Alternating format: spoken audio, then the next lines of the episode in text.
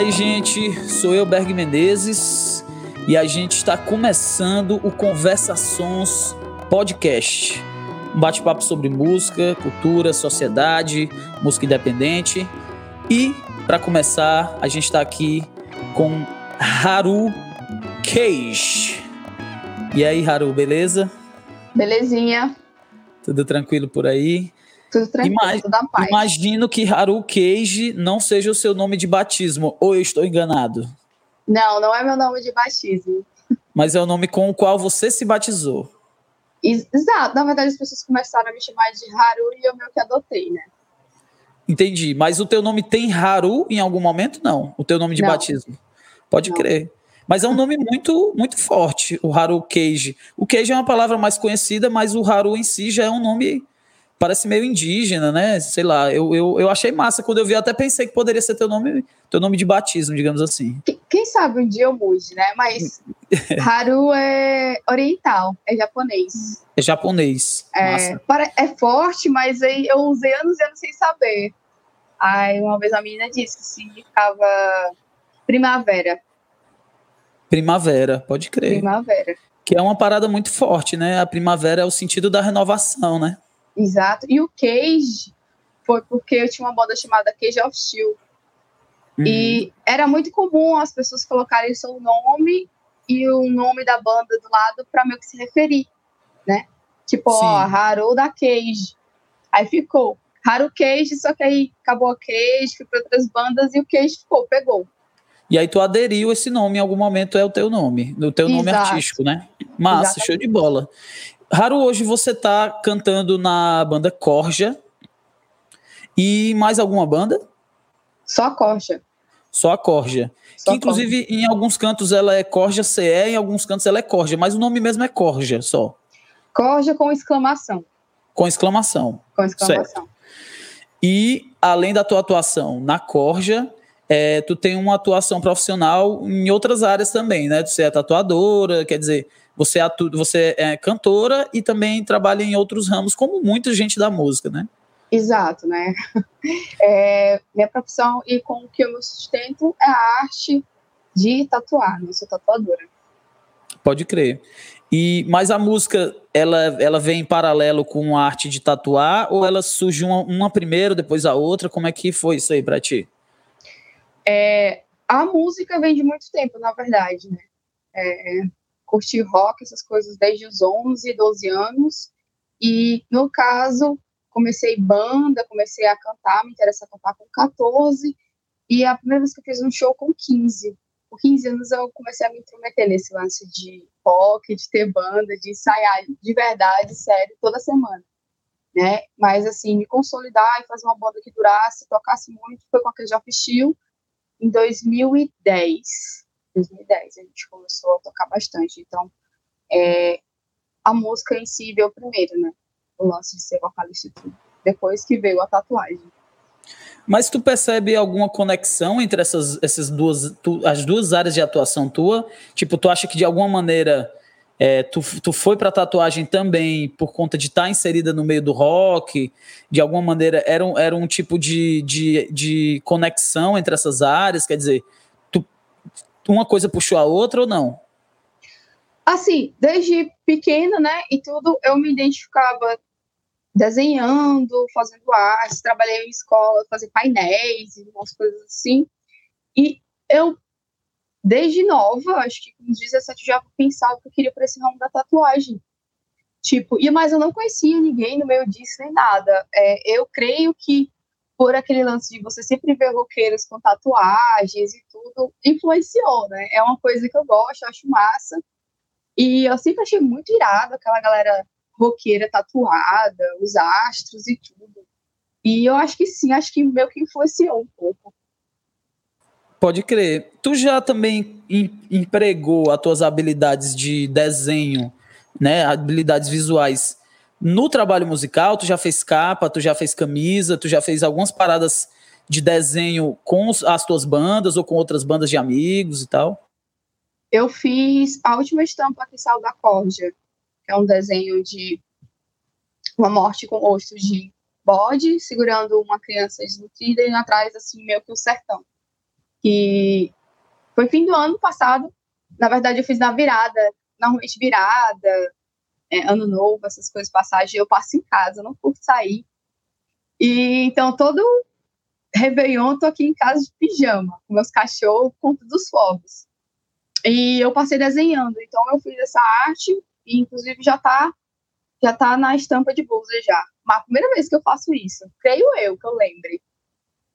Então, a, a, a, digamos assim, que as áreas de atuação já têm uma conexão ainda mais forte, digamos assim, né? É uma parada que tu acha que tu curtiria fazer, tipo, criar uma arte inteira, por exemplo, de um disco. Se bem que agora a gente nem pensa muito no disco como uma coisa física, né? Até é mais difícil. Mas eu digo uma capa de um, de um disco da Corja ou, de, de uma banda de alguém que tu conhece e tal. Tu acha que é uma parada que te daria um prazer também, considerando que é uma parada que tu faz constantemente? Ó, oh, recentemente eu estou estudando, estudando bastante, fazendo umas artes, criando umas coisas legais.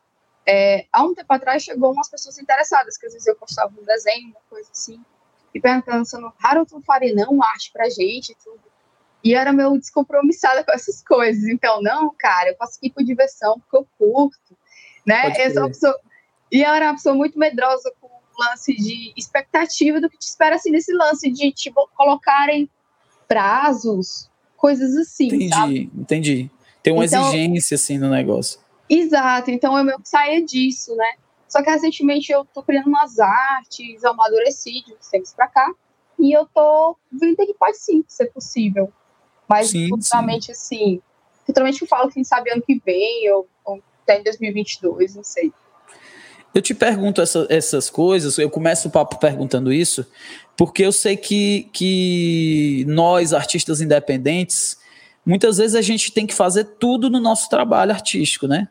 Então, assim, imagino que na corda deva rolar bastante isso também. Quer dizer, você é o músico, é, a musicista, o cantor e tal, mas você também administra as contas, você manda o um e-mail, manda o release, cria o release, é, as fotos, quer dizer, tem alguém da banda que faz, quer dizer, pelo menos no meu trabalho eu acabo tendo que aprender muita coisa, social media, quer dizer. Então, eu imagino que não seja diferente aí com a corda também. Vocês acabam tendo que dar conta de muita coisa para poder a banda, a banda andar, né? E tem, tem, alguém que tem a habilidade de desenhar tão bem na, na banda, é, enfim, seria uma parada também massa. Quem sabe depois de ter um outro trabalho da Corja com uma arte tua também, né? É, quem sabe, quem sabe até fazer, não sei, fazer um EP futuramente, uma coisa menor e colocar, né? Minhas uhum. ideias ali, uma, uma arte. Eu vou, vou, ver aí. Eu tô voltando a estudar mesmo nossos desenhos. Entrei fundo nisso. Todos os dias pelo menos uma hora praticando, entendeu? Massa. Até porque no metal, no universo do metal, as artes com desenho elas são muito comuns, né? É, tem, lógico, as bandas que usam foto ou usam alguma coisa mais digital, mas é, é muito comum que as pessoas usem desenhos e usem é, praticamente pinturas, como tatuagens mesmo, como arte dos discos, né? É um, é um, digamos assim, é um estilo muito que se combina bastante. É... Até nesse lance de você fazer uma capa, se sua banda é muito com protesto, com letras políticas, né? É, é, é, bem normal até no HC, o HC mais pesado, a galera do metal que, que toma essa frente de debater essas coisas, colocam toda aquela ideia ali naquele, naquela capa, com aquele desenho irado, colorido, cheio de informação, cheio de referência, que você pega assim, ó, ah, velho, gênio. É isso. Até teve, é, eu, eu acho que talvez tu deva ter acompanhado, é, que rolou uma parada há um tempo atrás com um artista é, visual chamado Cristiano Soares. Sim, conheço. Se liga, né? Acompanho, acompanho. Pois é, aí rolou uma turnê, ia rolar uma turnê do Dead Kennedys, né? E aí ele meio que tinha criado a arte, mas parece que a arte tinha sido encomendada, tinha sido rejeitada. Rolou uma confusão muito grande, ninguém sabia por quê, é, quem estava falando a verdade. Mas o fato é que o Cristiano tinha criado uma arte genial, que era muito questionador, assim, né, do ponto de vista político e tal, né, fazendo críticas bem, bem diretas. E aí a galera lá parece que arregou e acabou que o cara, não, é minha mesmo. E ele ganhou super destaque por causa disso, né? Quer dizer, mó galera. Aí ele virou artista de várias bandas por Exato. conta dessa treta, né? É, Quer dizer. É. Ele aguentou a pressão, no caso, né? Teve uma pressão ali, porque tinha uns fanboys, a gente sabe quem, enlouquecendo todo mundo de todos os lados. Inclusive, disse que foi muita pressão, né, do, dos bolsominions lá no caso com o, a, a galera da banda, né? Rolou umas Sim. ameaças, um negócio muito louco. Muito louco, muito louco. Da, daí, muito louco. daí a força. É, eu tenho conversado isso é, em outros ambientes também, sabe? É, como a música hoje ela também é muito visual, ela sempre foi, né? Mas como essas coisas se conectam, até por isso que eu quis puxar esse papo contigo, porque é, é muito difícil desconectar hoje tudo é muito visual, né? O videoclipe, as artes, quer dizer, é, é, muito difícil você imaginar uma banda que também não pense muito esteticamente, visualmente, isso já desde muitas décadas para trás. Mas eu acho que hoje, de alguma maneira, é ainda mais forte, assim, sabe? E aí entra as redes sociais também na conta, né? É, mas vamos falar de rock, vamos falar de rock. O que você faz, Haru? É rock? Ah, é sim. É rock e do barulhento, viu? Rock do barulho. Rock, rock dos gritão. Dos gritão, dos, dos músicas de doido, como de nossas mães. Música Mas não o... tô entendendo nada. É, mas o que tu faz também é metal, também. O que é? O, qual é o som? Quando as pessoas te perguntam, porque é uma pergunta recorrente no geral, e eu imagino que tem duas, tem várias formas de tu responder. Quer dizer, dependendo de quem pergunta. Se quem pergunta não é do rock, aí tu diz, não, é rock. Mas se quem pergunta tá dentro do nicho do rock, aí tu, talvez tenha outras respostas para falar do som da corja, por exemplo. Então, como é que normalmente tu define assim? A gente costuma falar que a corja é um crossover metal. A gente pega várias vertentes do metal e mistura. É, tipo, você vai encontrar trash no nosso som, def, você vai encontrar, encontrar HC, a gente mistura prog, mistura tudo porque a, a influência de todo mundo é muito eclética. A gente não se prende normalmente apenas um tipo de, de som, de estilo. Então a gente mistura essas coisas e forma acorde. Então a gente chama de metal crossover. Isso de ser um metal crossover e de misturar tanto, às vezes atrapalha a corja em entrar ou não entrar em um determinado espaço ou festival? Pelo contrário, ajudou demais. A gente foi abraçada por pessoas de vários estilos, vários estilos. Então a Corja tocou em festival, olha só, fechadão assim, ó, festival de metal indie, ou oh, metal alternativo, de banda indie, de HC, de grind, inclusive um festival de black metal. A gente conseguiu entrar em festivais disso, assim. Esse festival só tem banda indie, esse festival só tem banda de HC, esse festival só tem banda de black metal. A gente foi convidado para todos os festivais e entrou de boa. Então, então é, o, o, os fundamentalistas do rock ou do metal não conseguiram impedir a Koja ainda de abrir espaço por causa do som que é misturado. Isso é uma vantagem para vocês, no caso. Exato, esse pessoal aí, ah, Maria, chega nem Mas perto tem esse fundamentalismo no metal, principalmente no metal, eu acho. Tem, é os, eu chamo de caga-regra. Os caga-regra.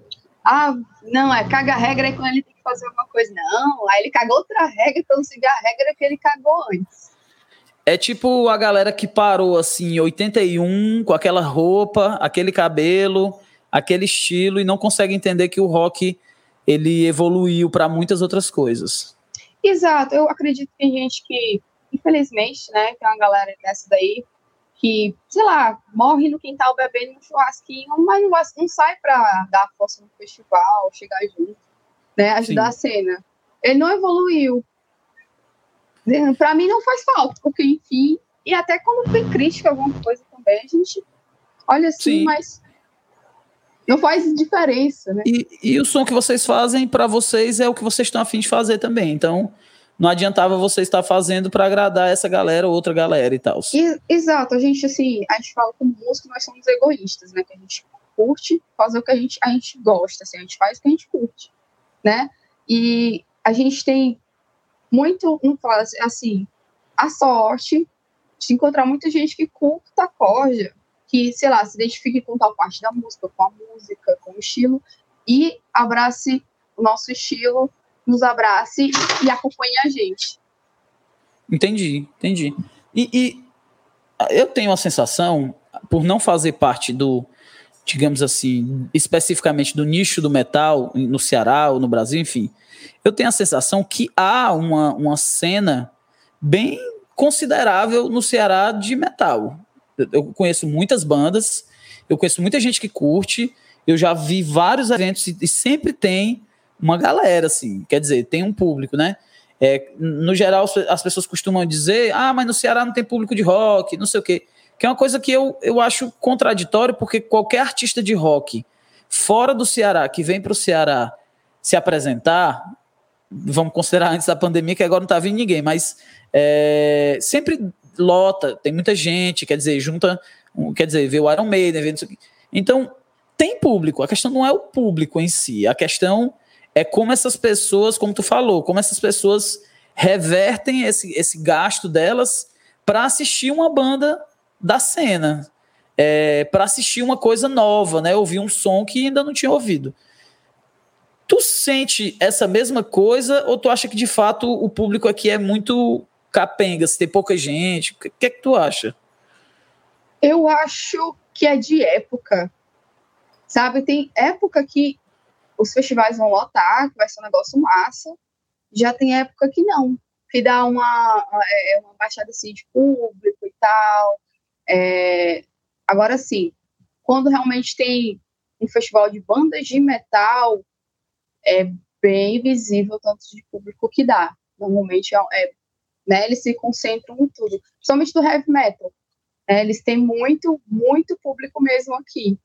É, a nossa cena de vez em quando, não de vez em quando, antes da pandemia estava muito boa, muitos festivais, tinha festival, tinha fim de semana que tinha dois, três festivais no mesmo dia, e a galera se divide, sabe? Conseguia ir, tem gente de um festival migra para outro, né? Pega o busão, o Uber e vai-se embora.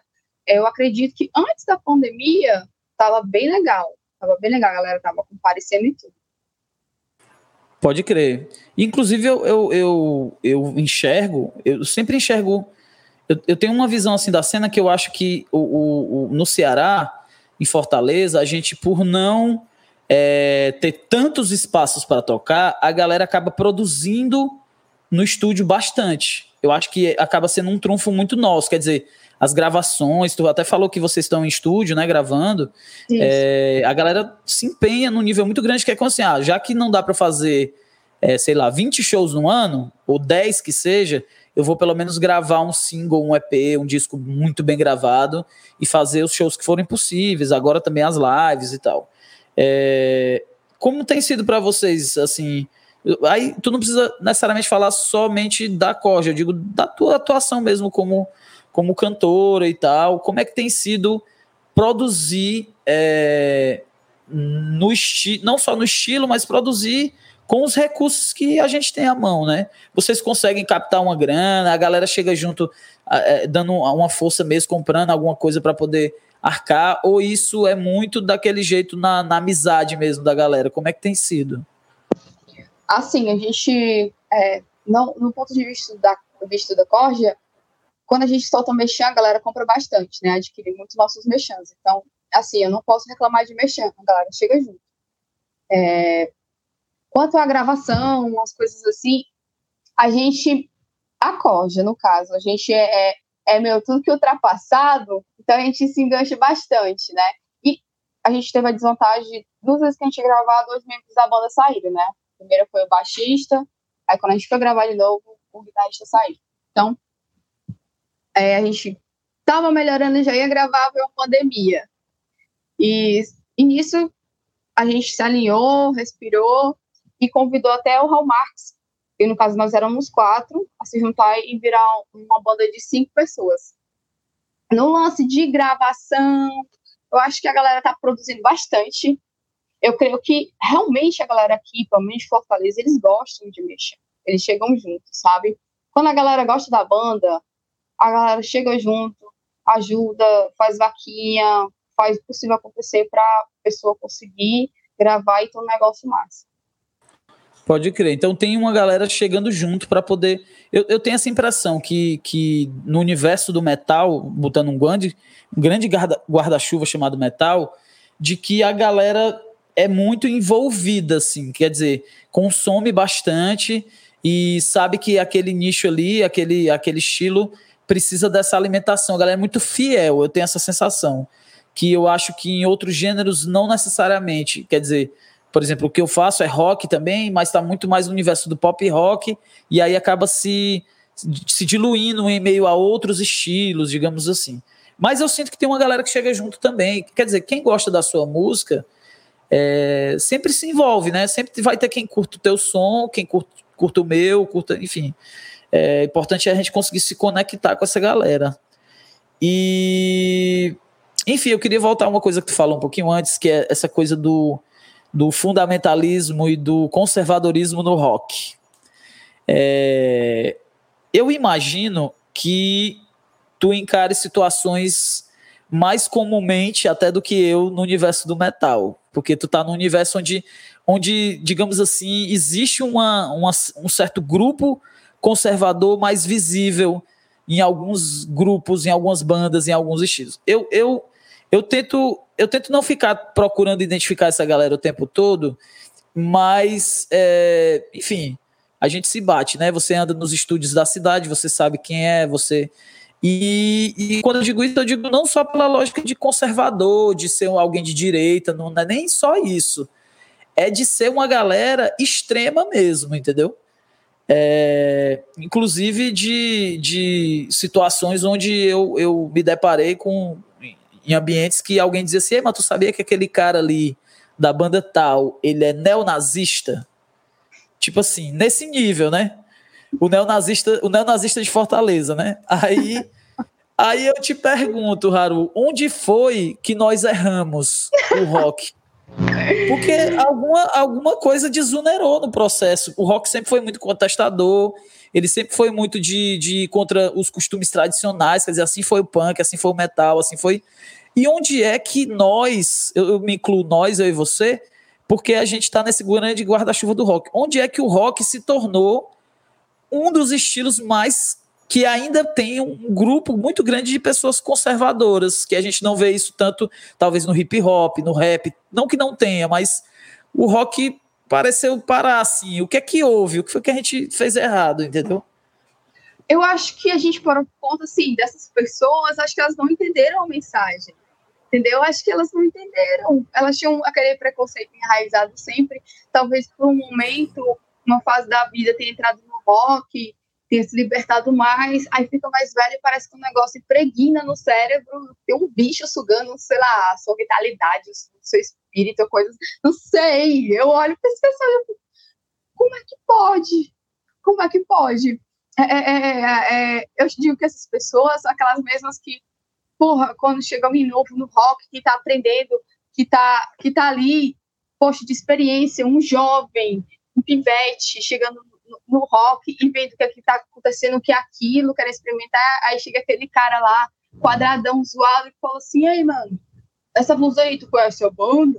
Ei, com força de tal? Mano, sabe? Pega Como se o cara tivesse que provar que ele é roqueiro, né? Exato. É, é, isso aí eu vi demais, eu vi demais. Hoje, recentemente, não, não eu tenho visto, mas rola ainda, entendeu?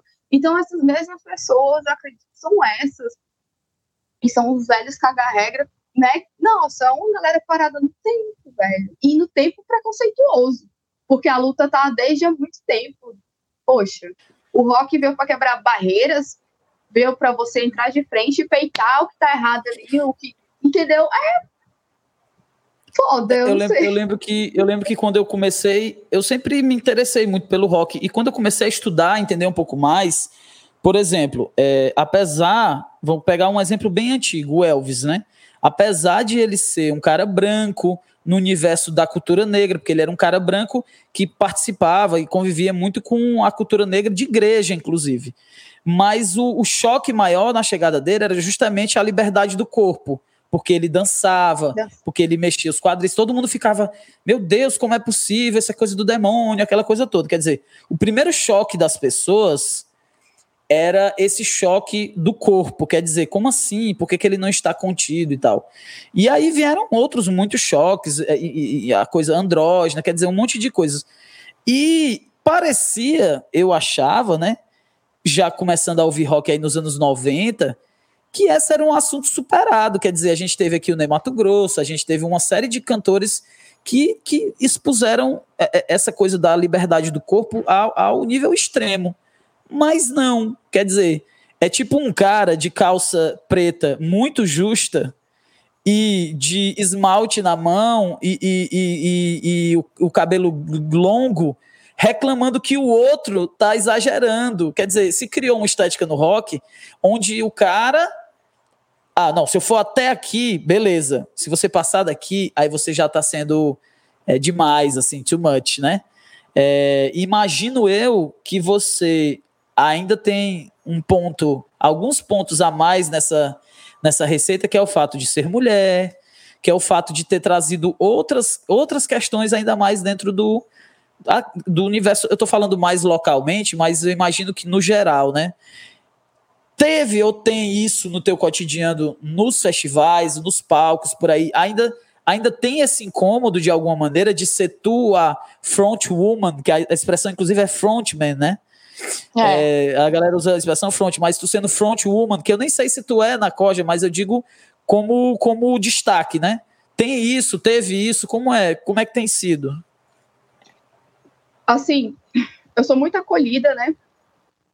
Porque eu já tô aqui sem parar mesmo em festivais, já fazem 10 anos, mais de 10 anos sem parar, então já tem uma galera que curte meu trabalho, desde a Cage of Steel, depois Rise of Fallen Souls, Agressivo e agora a Conde. É, no começo, eu acredito que foi mais difícil. É, como você é uma mulher, tem uma postura mais é, é, não tão comum, né? Não tão comum do que eles estão acostumados, né? Quando você foge daquele padrão de, se não sei, cantar mais mansinho, ficar mais na sua, a galera já se incomoda mais. É, tem gente que chega no show para ver se é isso mesmo tudo, como é isso mesmo tudo. Entendeu? É tipo, ah, vi gente dizendo assim, ah, pra que isso? Não precisa disso. Ah, tu canta massa, mas não precisa, sei lá, bater cabeça ou correr no palco. Tem um, um, um incômodo, né? Como então, assim, se é rock não precisa bater cabeça? Qual é o lance? Não tem tudo a ver, não? Exato! É isso que eu fico assim. É, tu acredita que tem, ban, é, tem estilos de metal que se o cara usar uma bermuda, a galera se incomoda? Eu acredito, mas, mas é, isso que, é isso que eu não entendo é, quando eu penso no, na estética que foi construída dentro do rock. Quer dizer, o cara chega com uma bota, com a calça preta bem justa, tipo sertanejo Zezé de Camargo e Luciano. E aí o cara que chega de bermuda cargo é o cara que tá furando o, o o, o, a tradição, tipo assim, criou uma tradição que é uma estética que é, por natureza, andrógena, contestadora, é uma, é uma estética que traz o, o corpo do homem é, é, delineado, que era uma coisa que antes não tinha, quer dizer, o metal construiu essa estética, né? E aí, isso que foi construído, que, que seria o que o conservadorismo criticaria, digamos assim, pô, esses caras aí, tudo de roupinha justa, não. Os caras que estão no metal conservadoristicamente questiona o cara que usa um, um, um tênis skatista e uma bermuda. Aí eu, eu fico sem entender, porque é, deve, se fosse na lógica conservadora tradicional, seria o contrário. Quer dizer, é, não, faz, não, não faz sentido em, nenhum, em nenhuma análise, mas eu entendo que existe, que é esse o, cotidiano da galera, né? Exato, exato. Então, eu, por ser mulher, ah, não, para muita gente não é para eu cantar do jeito que eu canto, entendeu? É, então, então, eu quebrei barreiras, eu quebro barreiras, todo festival fala que eu tô quebrando algum tipo de barreira, né? Gente que fica realmente sem entender, mas Porque eu também... muito apoio e a galera curte no geral. De alguma maneira, eu acho que também, também é, no rock se criou um padrão da roqueira. A roqueira, ela chega, ela tem aquele estilo dela, mas ela canta numa coisa mais lírica, né? Ela vai nos agudos, ela, é, ela é, é uma coisa, é uma coisa tária, Emily, Pete, tem tem um padrão que foi estabelecido que aí quando você chega para outra vibe que é exatamente o que tu faz e que não é só não é só surpreendente porque é incomum, é surpreendente porque é bom, é muito bom E é bom, independente de você ser mulher, é bom porque é bom, você canta muito bem. Gritado, da forma que você canta, da forma cultural, quer dizer. Mas aí, claro, eu imagino que tem essa, essa, essa, essa. Ah, eu vou ver se ela é boa mesmo, porque é uma coisa que talvez até na cena ainda seja raro, apesar de já ter outras cantoras que eu sei que tem, né? É, que cantam um gutural também muito bom na cidade. E fora dela, enfim. Mas eu acho que, que talvez precisa de mais mulheres ainda nesses vocais mais agressivos. Precisa, é, e tem muita mina aí pelo Brasil que tá mandando demais, quebra demais. Tem mina que faz o gutural e ainda canta limpo, muito bem, muito bem. É um negócio muito foda, tem as meninas destruindo mesmo. É, mas é, é, é, é, eu acho que essa coisa do crossover que tu falou é que é o lance, né? Talvez é, esses, essa galera precisa ouvir um pouco mais fora do que está acostumado a ouvir sempre e abrir os olhos para e os ouvidos para outros outras misturas, né, dentro do metal, né? É o que a gente fala que é, é pensar fora da caixa porque a, a, galerinha, a galerinha roqueirinha de quintal dá não, bicho. Dá pois não. é, roqueirinha de churrasquinho. Eu gostei dessa, dessa expressão, churrasquinho de quintal, né? É, fica lá. Não bota a cara na rua, né? Não bota a cara na rua, mas critica a cena, a cena tá morta. A cena tá morta, ninguém faz nada que preste mais. Exato, é, fala isso. Eu, eu acho engraçado, tá aí, esse ponto aí é uma coisa engraçada, que é o seguinte: às vezes a pessoa diz assim, Pô, mas o ingresso é 15 reais? Pô, tá caro, 15 reais o ingresso, 20 reais, tá muito caro. As bandas tudo autoral, não tem nenhuma cover. Pô, não, não, tá legal não. Aí o cara fica em casa com mais, sei lá, 3, 4, ouvindo cover e gasta muito mais do que isso com cachaça e churrasquinho. Tipo assim, podia ter saído de casa, gastado os 20 conto para ver uma galera, até ver um, uma galera diferente, encontrar as pessoas, enfim, o que fosse, né? Encontrar alguém que faz tempo que não vê, quer dizer. Não, aí gasta muito mais do que isso, às vezes, até no barzinho. Não tô, não tô é, é, é, é sendo purista, não, pelo contrário, adoro uma cachaça. Mas eu acho que você, você valorizar a cena, fortalecer a cena, é também investir nela, né? Investir uma grana também. Quer dizer, pô, vou. Eu quero que tenha mais shows de, de, de rock aqui na minha cidade ou na minha cena. Então eu vou, toda vida que tiver um show, eu vou lá, porque aí a grana entra e a galera, pô, Fortaleza vale a pena fazer grandes festivais e tal, essa coisa toda, né? É, e é um tipo de incentivo, porque quanto mais você apoia o seu amigo que toca e tal, ele evolui, faz shows massa, fazem músicas massas, é, é, saem bandas daqui que impressionam o resto do, do Brasil, né? E, porra, velho, quanto mais a galera aqui evolui e sai, consegue sair do estado, fazer uma tour pelo Nordeste, coisa assim, vai ter gente de outros estados, né? Dizendo, porra, velho, que banda massa de onde ah, lá de Fortaleza, velho, quais bandas tem em Fortaleza? Entendeu? Isso abre fronteiras pra galera, sabe? É um incentivo. Eu acredito que tudo é incentivo. Com certeza.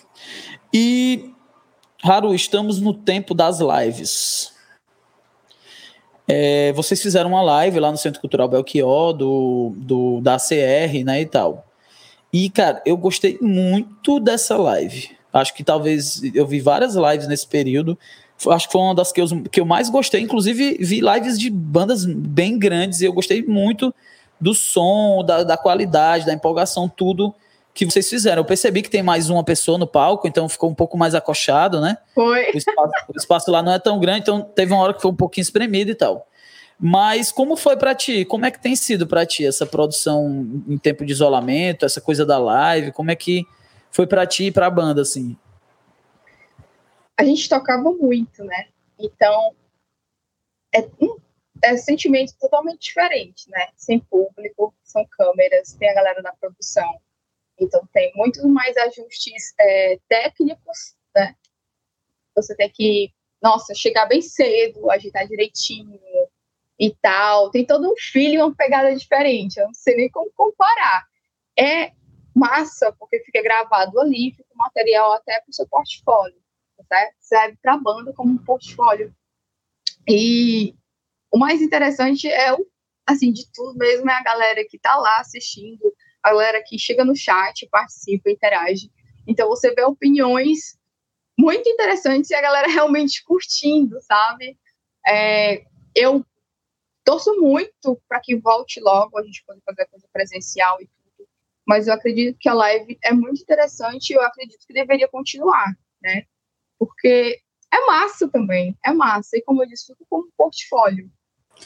É como se a gente estivesse gravando ali um programa de televisão ao vivo, né? Uma coisa assim, né? É, eu também acho que, que é uma parada que já existia, né? Muita gente já fazia, fazia lives e tal, mas a gente ainda não tinha isso na dinâmica da gente assim, né? Tão comum.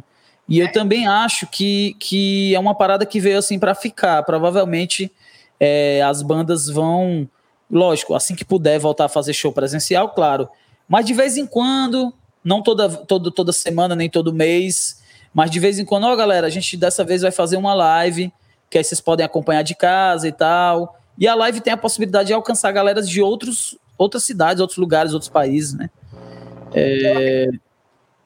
Não, pode dizer, pode dizer. Eu acredito que nessa pandemia eu, eu conheci muito, muita gente de outros estados.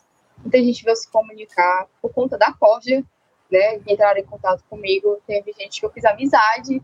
Então, tem uma galera que está acompanhando de outros estados, que é incrível. É incrível. Assim, Claro que antes a galera já estava acompanhando porque tem as redes sociais e tudo tá aí para isso. Só que com o lance da pandemia ficou todo muito ligado nas lives, né, é, em, em, programas de conversa também, podcast, essas coisas. E, tipo, fiz uma live com a galera do José Rock. Nossa, tinha uma galera assim que estava acompanhando, era justamente essas pessoas queridas que eram, são do Rio de Janeiro, de São Paulo, estavam lá acompanhando que, a gente se conheceu através das redes sociais pela Corja, e eles acompanhou o trabalho e tudo, são gente maravilhosa. Tipo, nossa, eu não tinha isso, entendeu? Eu não nossa. tinha isso. E agora eu tenho esse contato com as pessoas de outro estado e tá cada vez mais, né, no, na minha rotina, assim, coisa que não tinha antes.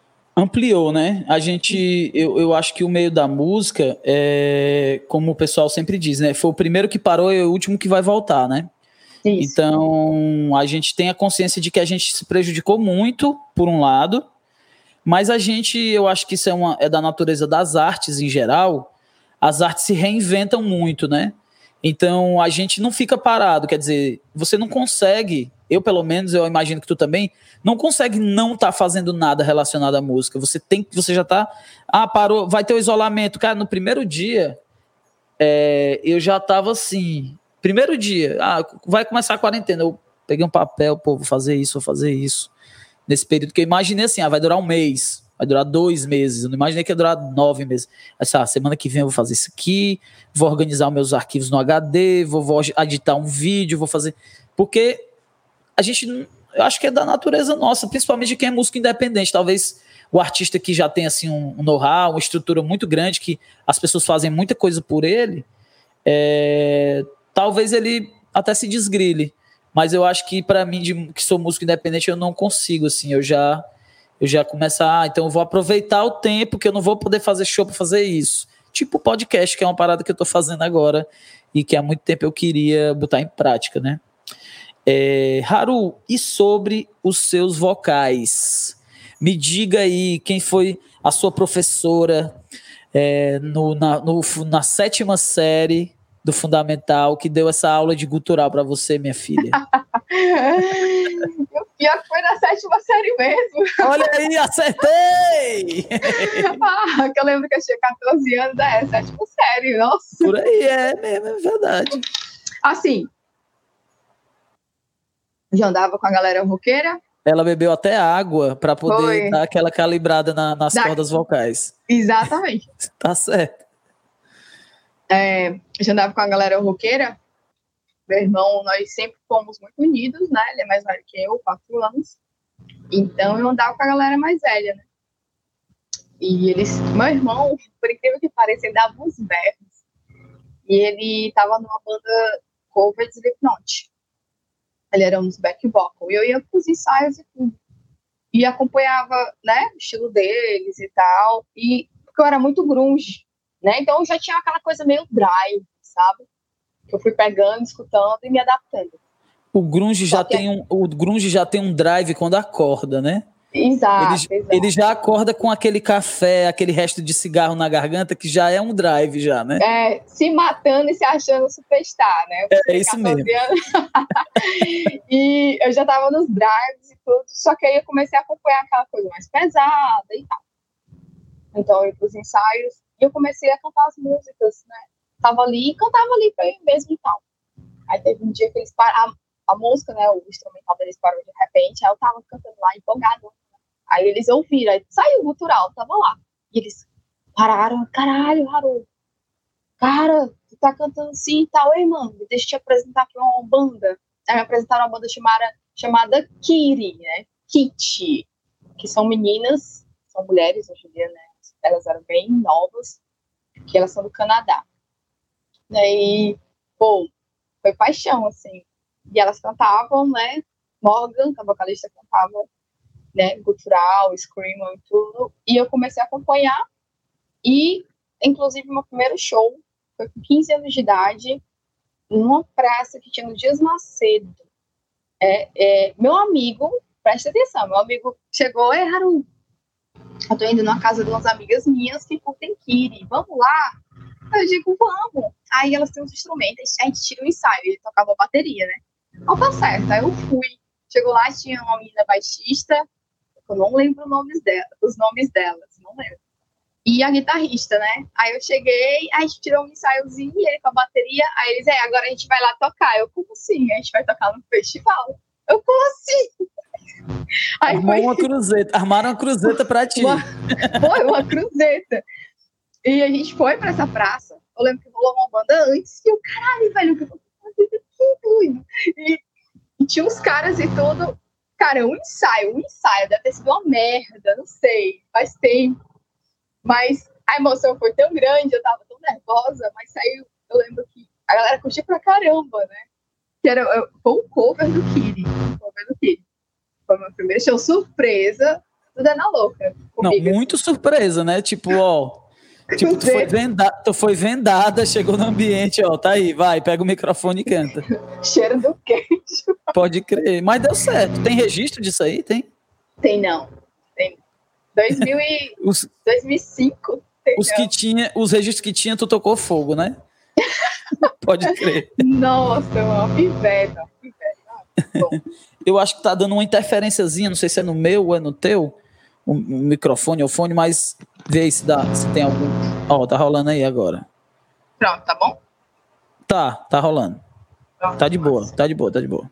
Enfim, não, voltou. De vez em quando tá rolando. Acho que tava, tava mais ok no começo, aí agora. Deixa eu ver aqui, ajeitar. Peraí. Parar ele aqui. E Acho agora? que tá bom, tá bom, tá bom, tá ok. É, então vamos continuar. Enfim, aí você conheceu a banda Kiri e o, o, a banda Kiri tinha então vocais guturais femininos. Isso. E o que mais assim te influenciou depois disso assim? Porque eu imagino que você tem a influência de vocais guturais masculinos dentro do rock, alguns, e, e vocais femininos que em algum momento você conheceu e você foi adentrar no universo das, enfim, das cantoras que seriam referência. Que outras cantoras, outras bandas também são referência assim para ti? Tem o OTEP, que é a vocalista é uma, uma mulher chamada Chamaia e na época, hoje em dia ela se prejudicou os vocais, ela teve é, tumor nas cordas vocais, ela fumava muito e com o tempo estragou o vocal dela, né? Mas era incrível, era assim, você escutava, não dizia que era uma mulher. Como é o nome da banda? OTEP. OTEP. É O-T-E-P. Tô vendo aqui, tô vendo aqui. É, tem uma música chamada Blood Pigs. Foi, é, foi essa que eu escutei a primeira. Aí tu, porra. Puta... A gata Pois é, manda bem demais. Eu quero chegar nesse nível. Eu quero chegar nesse nível. Então eu comecei, eu treinava em casa. Né? Eu treinava em casa. Como é que eu treinava? É, tinha casa, tinha o jardim. O carro do meu pai ficava estacionado no jardim. E era aquela época que todo mundo tinha aquele, é, aquela caixa de som grande no porta-malas, né? Sim. E, os então, paredão, os mini paredão. Os mini paredão. Aí eu ia pro carro do meu pai, fechava as janelas, levava água, botava o som e eu treinava dentro do carro, morrendo de calor, me acabando de calor. O vocal. Mas, aí, mas o calor também já esquentava as cordas vocais e já ia forte. Né? Esquentava era tudo. então eu evoluí assim, mesmo sem banda naquela época. Mas sem microfone. Eu, sem microfone, só no talo mesmo dentro do carro com o som. Porque, porque no geral. Ah. Não, fala, pode dizer, pode dizer. O que abafava mais barulho era o som que era muito potente, então gritava ali, ninguém ouvia. Porque, assim, no geral, o que eu, o que eu, o pouco que eu conheço, né, do, do, do drive, do vocal cultural, é que ele tem um efeito com o microfone que é diferente do efeito acústico dele, né? Uma coisa é você cantar sem o microfone, com num ambiente que as pessoas estão te ouvindo só a tua voz sem o microfone, outra coisa é o microfone, a forma como tu, tu posiciona o microfone, o tipo de microfone, quer dizer. Então, até aí, tu estava treinando uma técnica para tu emitir o som, né? Depois Exatamente. que tu foi usar isso no palco, né? É, eu. Isso, eu tentava chegar, mesmo sem microfone, eu tentava chegar ao máximo parecido do que eu estava ouvindo. Sim. Então, eu sempre tive. Eu sempre fui uma pessoa muito controlada com as coisas, dos meus limites. Então, eu sabia quando estava machucando, eu sabia quando devia parar, hoje não dá mais. Sim. Eu tinha que beber água. Então, eu costumo dizer que foi uma coisa muito orgânica, uma coisa muito natural para mim. Entendi, entendi. Aí depois, do OTEP, eu conheci uma banda chamada G N Grey, que é japonesa.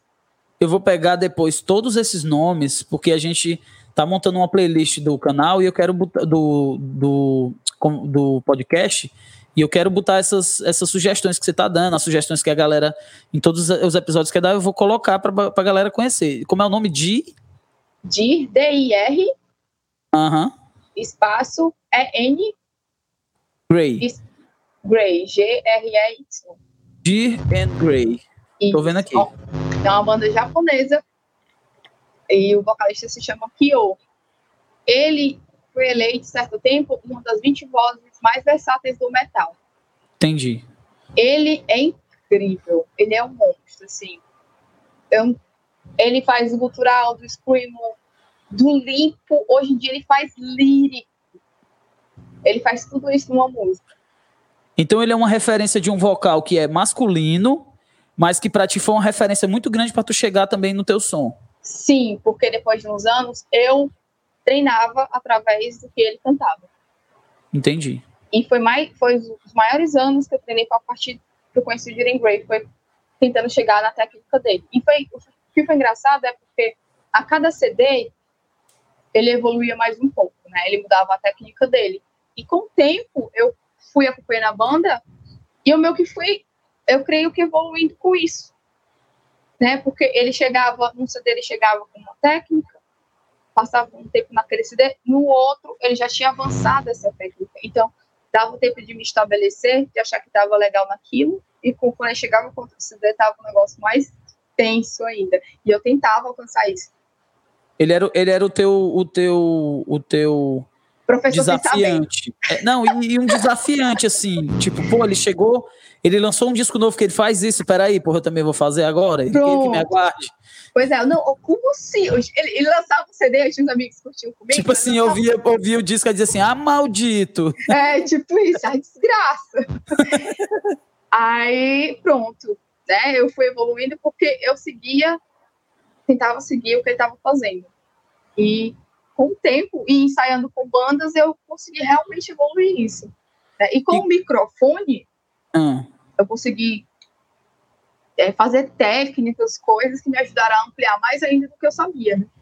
Tu não usa nada de efeito? Nada, nada de efeito. Mas tu tem vontade de usar alguma coisa? Não, não para causar gutural, digo para causar reverberação, delay, umas paradas assim? Já tive muito. Já estava pesquisado um pedal.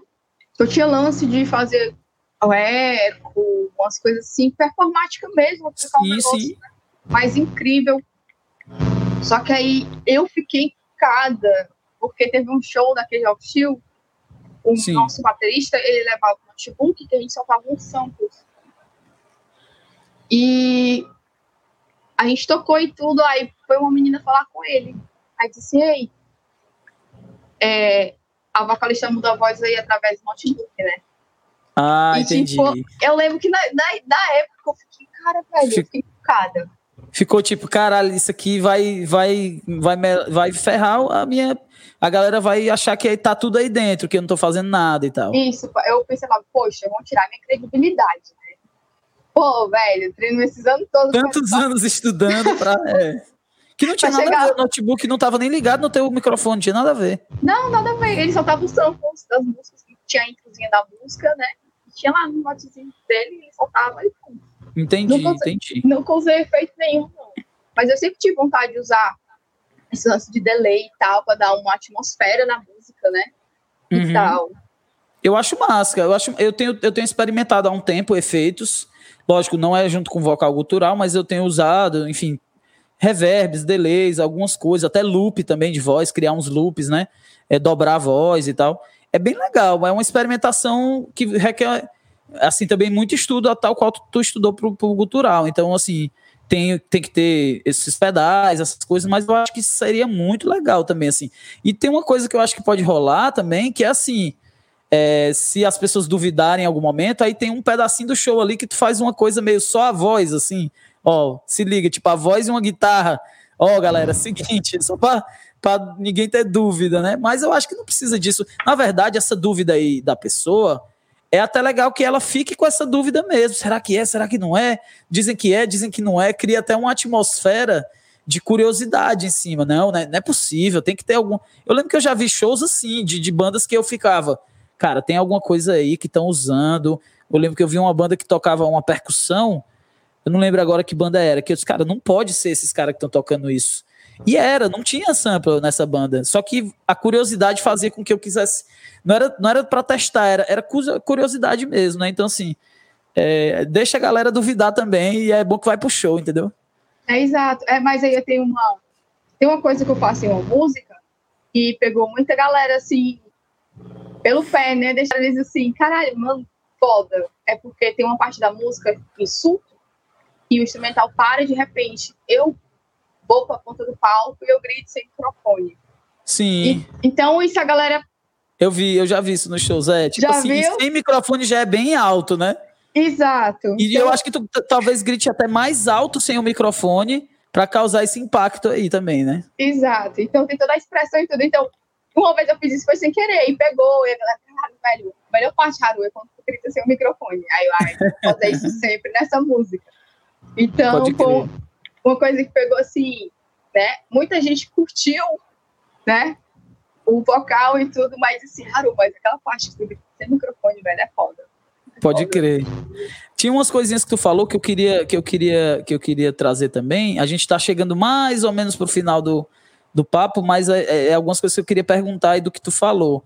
É, uma é sobre esses teus cuidados para manter a tua voz saudável, porque tu falou que tem uma cantora que, enfim, é muito era, era muito importante para ti e tal, mas ela acabou ficando doente, a voz desgastou num nível que ela não consegue mais cantar, pelo que eu entendi. E uma vez eu conversando assim com amigos e tal, eu gosto muito do Led Zeppelin, sabe? E o Robert Plant, há muitos anos, ele não, ele não consegue mais cantar nas tonalidades que ele cantava, né? Ele até naquele reunion do Led Zeppelin ele não não conseguia mais chegar naquilo. É, é, dá para ver, é, é, claro isso. É, o Celebration, acho, Led Zeppelin Celebration, alguma coisa assim. E aí a gente conversava, eu e uns amigos, tipo assim, cara, mas vamos lá. Se você queimar sua voz em 15 anos, mas você ficar mega famoso e milionário, será que não vale a pena? Tipo assim, é um, é um, no caso dela, ela ficou doente de verdade, mas tem alguns cantores, sei lá, tipo o Axel, perdeu a voz, passou um tempão e depois conseguiu com muito, muito treino e tal. E, aí eu te pergunto, primeiro, como tu faz para cuidar para tua voz não ficar doente, para tu não adoecer?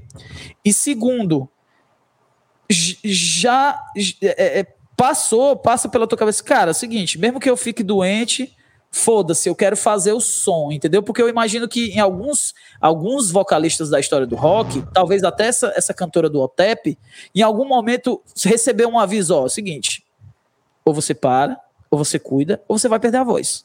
E aí a pessoa cogitou, pô, mas se eu ficar mais cinco anos, eu vou fazer minha carreira, eu vou fazer meu nome, eu vou ficar famosa, foda-se. Ou não, como é que é essa tua relação com essa coisa da saúde vocal? É, eu já fumei, né? Eu fumei um, um tempo e eu tava Quando fumando. era grunge, quando era grunge. Não, ainda um pouco depois. Eu já fumava quando era grunge, parei. Aí quando eu comecei a querer Shield, depois de um tempo eu voltei. E eu comecei a fumar realmente muito, né? E tal. Até que teve um ensaio.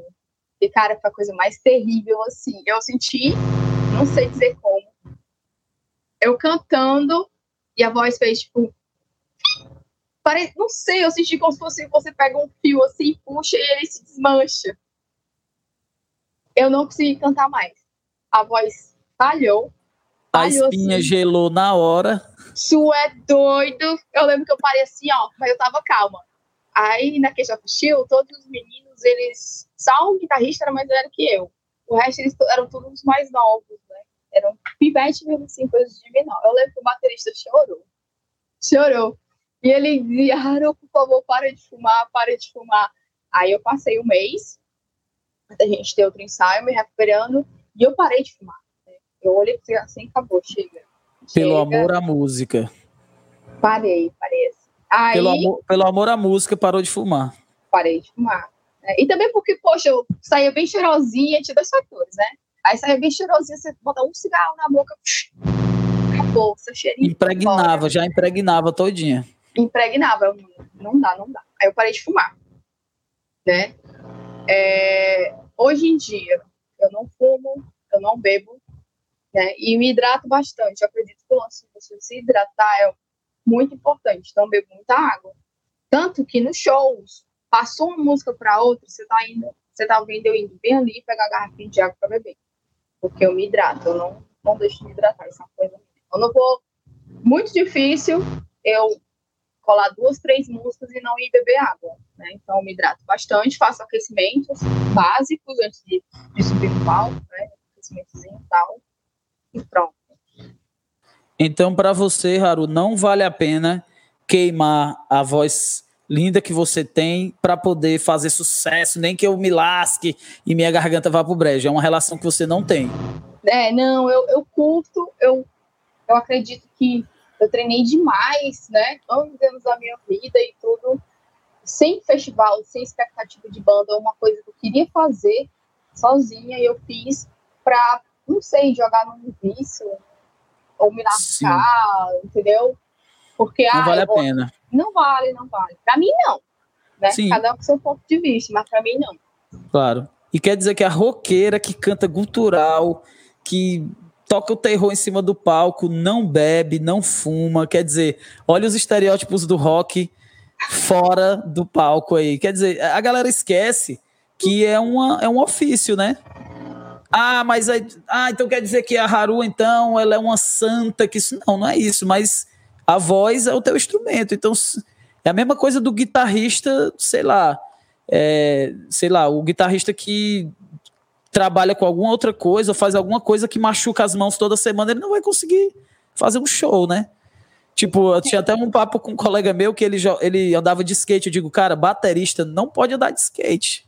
Não combina. Aí ele diz assim, porra, bicho, mas eu adoro andar de skate. Eu disse, tô ligado, mas ele ficava quebrado constantemente. Então já rolou show de adiar e tal. Imagino eu que a galera que, que enfim, que toca com muita frequência, acaba, acaba tendo que abrir mão de muitos prazeres para poder fazer isso que mais ama, né? Então, tipo, aí ele, não, bicho, eu tomar mais cuidado e tal. Era, era, uma, era, uma, era uma fuleiragem também com ele, que eu, o cara não podia impedir de fazer o skate dele também, mas era.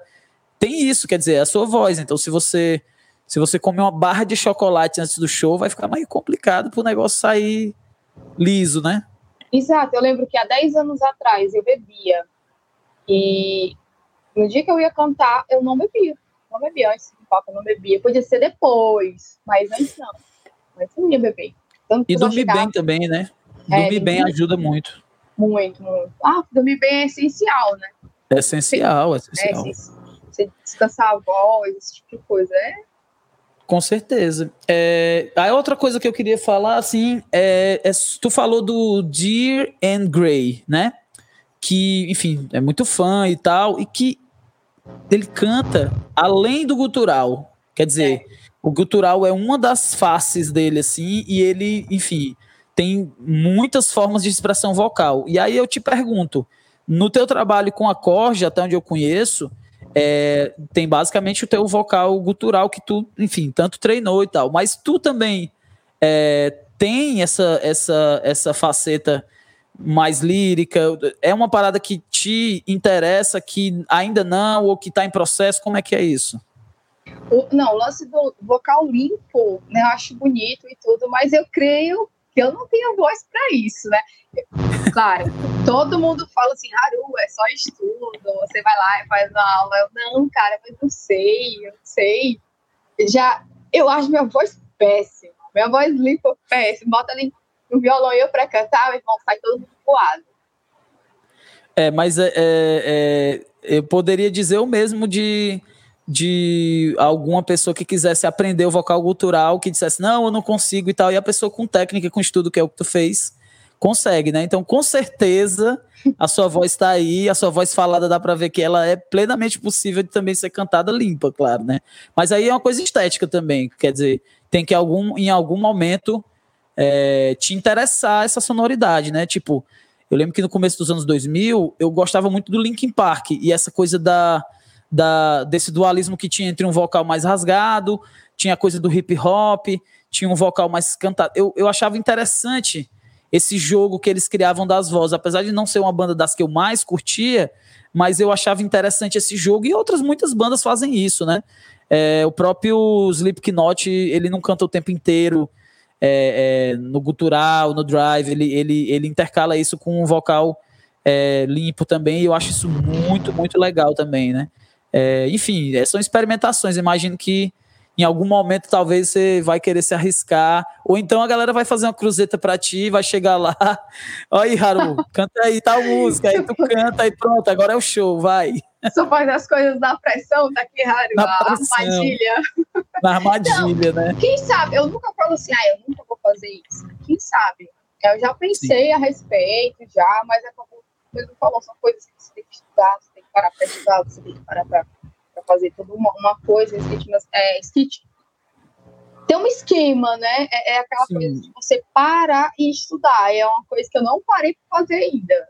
Tenho vontade? Tenho. E se interessar e, e se sentir confortável também, né? Exato, eu acho que exato. é uma coisa que vai surgir naturalmente, assim como surgiu o, o vocal cultural para ti, né? Exato. Porque, a, a, é, porque o que eu, por exemplo, Jiren Gray, ele faz umas coisas maravilhosas, lindas, assim, justamente porque ele tem uns vocais incríveis. O uhum. cara vem do limpo aqui, grave, baixo, ele canta alto, muito alto, é assim, fino, vai, e o cultural grave. Nossa, é, você tem que escutar, depois eu te mando alguma coisa. Massa, show de bola. Eu vou, inclusive, a gente terminar o papo, a gente está chegando aqui no final desse episódio do Conversações, e aí eu queria, inclusive, que tu deixasse aí algumas sugestões, além do próprio da própria Corja, é, para a galera ouvir, mas algumas outras sugestões de bandas que tu, que tu curte, essas que tu sugeriu aqui, mas eu digo bandas também da cena é, é, de Fortaleza, do Ceará, ou bandas de outras cidades que tu também se identifica, que tem mulheres também é, com, com vocais guturais, ou enfim, coisas que tu tá ouvindo, que tu acha que é massa que a galera ouça também. É... Aqui de Fortaleza tem a banda Unkerquéria, né, tem a Joyce no vocal, tem a Alessandra no baixo, né, representatividade, as meninas mandam muito, é uma banda muito foda, é, de death metal, é, bem obscura, assim, muito irado, é... Inclusive lançaram um clipe muito doideiro outro dia. Eu muito, vi aquele clipe, achei muito massa. Muito. Arte incrível, incrível. Incrível, incrível. Tem o Lady of Lemuria, né, da minha amiga Ju, a Ju Chaves, que, porra, manda demais nos líricos, né, que é o estilo symphonic metal. Tem também o Flowers to the Ground, né, que é um metal alternativo, que no caso tem a, a Sheldon nos vocais, né, mina, porra, juventude é tudo, mano. Muito massa pode. também. Muito, massa. muito foda, né? Muito, muito, bom. Canta demais. É, são bandas de meninas, né? É, do Brasil, no sul tem uma banda chamada, chamada Dark Valley, que, nossa, tem a Ana Carla. No vocal, a mulher é um monstro. Não sei nem o que dizer. Chega, chega, chega sua, assim. Um monstro. Caramba, Dark Valley. Pesquisem lá, muito foda. É... Cara, tem muita banda, mas eu tenho medo de esquecer. Aliás, eu já estou esquecendo. Né? Não, mas já, já tem uma, uma, uma, algumas sugestões, pelo menos as que eu conheço aí já são muito, muito legais. É, e, e, e, também prova como a nossa cena é efervescente. Quer dizer, as primeiras bandas que falou são todas bandas cearenses. A gente, eu, eu no começo do isolamento, a gente fez uma playlist, né, com bandas locais e tal, e tanto a Corja quanto a Flyers to the, to the Ground estavam nessa playlist, e assim, com muita gente boa, muita gente de vários estilos. É, eu agradeço muito as tuas sugestões, agradeço muito o papo, foi muito legal. Muito obrigada. É... Eu que agradeço demais, assim, poder conhecer, conversar, conhecer mais, porque apesar de admirar muito o som da banda e, e você como vocalista, a gente não tinha tido chance de, de conversar tanto. É, a gente, enfim, quem sabe a gente se encontra em uma outra ocasião aqui do Conversações ou em outro, em outro ambiente para trocar mais ideias sobre cena, sobre rock, sobre é, metal. E, enfim, te agradeço demais. Muito obrigado por estar aqui com a gente, viu, Haru Cage. Obrigado pelo espaço, Berg. Você é foda, é um músico muito foda, sempre ativo, sempre fazendo, sempre tramando alguma coisa, porque é achirado, não pode parar o negócio, não pode.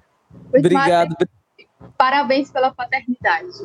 Obrigado, obrigado. A minha nova aventura, meu novo álbum que eu tô gravando aí, que vai demorar muitos anos gravando. Sim. Valeu, Haru. Gente, essa foi a Haru Cage, é mais uma edição do Conversa Sons. Eu sou o Berg Menezes e daqui a pouco a gente vai estar tá aí com mais um episódio falando sobre música, cultura, sociedade e rock and roll. Obrigado, galera. Valeu.